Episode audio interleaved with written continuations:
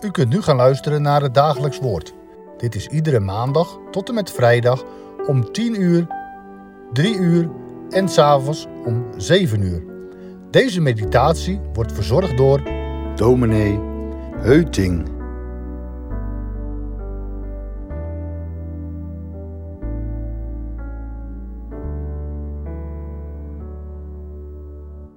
Paparazzi leggen precaire affaires vast met hun camera. Geduldig wachten zij op het geschikte moment dat filmregisseur en actrice elkaar ontmoeten, of politica en assistent. Moderne media presenteren shownieuws. Je zou het niet direct verwachten, maar ook het boek der boeken kent zulke momenten. Neem nu de geschiedenis van Rut. We volgen haar al een paar weken. Wat vind je er de laatste dagen van? Schoonmoeder Naomi drong er bij haar op aan contact met Boas te zoeken. En daarin gaat zij ver. Romantisch, intiem. Voor jouw gevoel misschien te ver. Veel te ver. Op het randje. Boas echter is een integer mens. Volkomen betrouwbaar. Zoveel pikants is er niet gebeurd. Enfin, dat hebben we allemaal gehoord. En nu is de nacht voorbij. Een nieuwe dag breekt aan. Dat lezen wij in Rut 3, vers 14 tot en met 18. Zo lag zij, dat is dan de Rut, tot de morgen aan zijn voeten einde. En zij stond op voordat men elkaar zou herkennen. Want hij zei: Het mag niet bekend worden dat er een vrouw op de dorsvloer gekomen is. Verder zei hij: Geef de omslagdoek die u draagt en houd hem op. En zij hield hem op. En hij mat zes maten gerst af en legde die op haar. Vervolgens ging hij de stad in. Toen kwam zij bij haar schoonmoeder en die zei: Wie ben je, mijn dochter? En zij vertelde haar alles wat de man voor haar gedaan had. Verder zei zij: Deze zes maten gerst heeft hij mij gegeven, want hij zei tegen mij: Kom niet met lege handen bij uw schoonmoeder. Toen zei Naomi: Ga rustig zitten, mijn dochter, tot je weet hoe de zaak uit zal vallen. Want deze man zal niet rusten voordat hij vandaag nog deze zaak tot een einde heeft gebracht. Boas vreest de paparazzi, zouden wij tegenwoordig zeggen. Wat zullen de mensen wel niet denken als zij Rut met Boas samenzien in deze setting op de dorsvloer? Dat is natuurlijk voer voor de boulevardpers. Ondertussen is de verhouding tussen Boas en Rut veranderd. De vonk sloeg over. Het arbeidscontract is een liefdesbrief geworden. Nu wil Boas het een en ander goed regelen.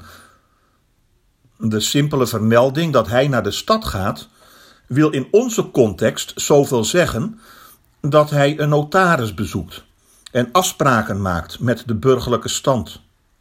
Kortom, Boas maakt werk van de voogdij in de familie, het zogenaamde losserschap. Hij moet ook nog overleggen met iemand die hier, naar anciëniteit, eerder voor in aanmerking komt. Ook dat hebben wij gehoord. En nu gaat Boas.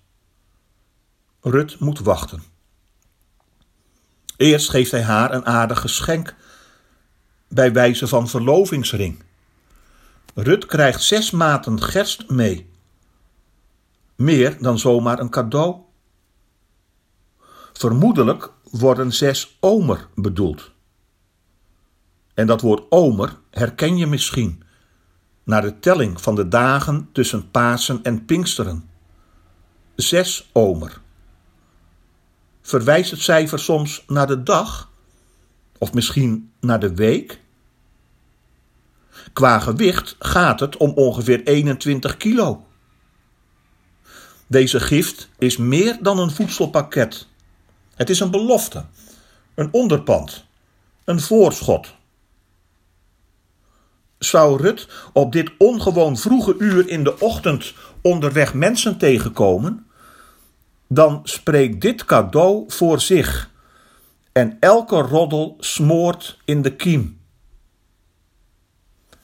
En Boas mat zes omer gerst af. Zes. Wie thuis is in het Bijbelse cijferen, voelt aan dat dit bijzonder is. Zes is nog geen zeven. Zeven is het getal van de volheid. Dan is alles compleet, gereed. Dit cadeau is de garantie die Boas geeft. Zijn actie loopt er al op vooruit. Het komt goed. En dat niet alleen. Die omer, hè, die telling, die zes die nog geen zeven is. Het begint met Pesach, met Pasen, met de gersteoogst. En Mozes heeft bevolen om hierna zeven weken af te tellen tot aan Shavuot, Pinksteren, de tarweoogst. Zeven weken. Vandaar ook de naam Wekenfeest. Nog even, en het is zover.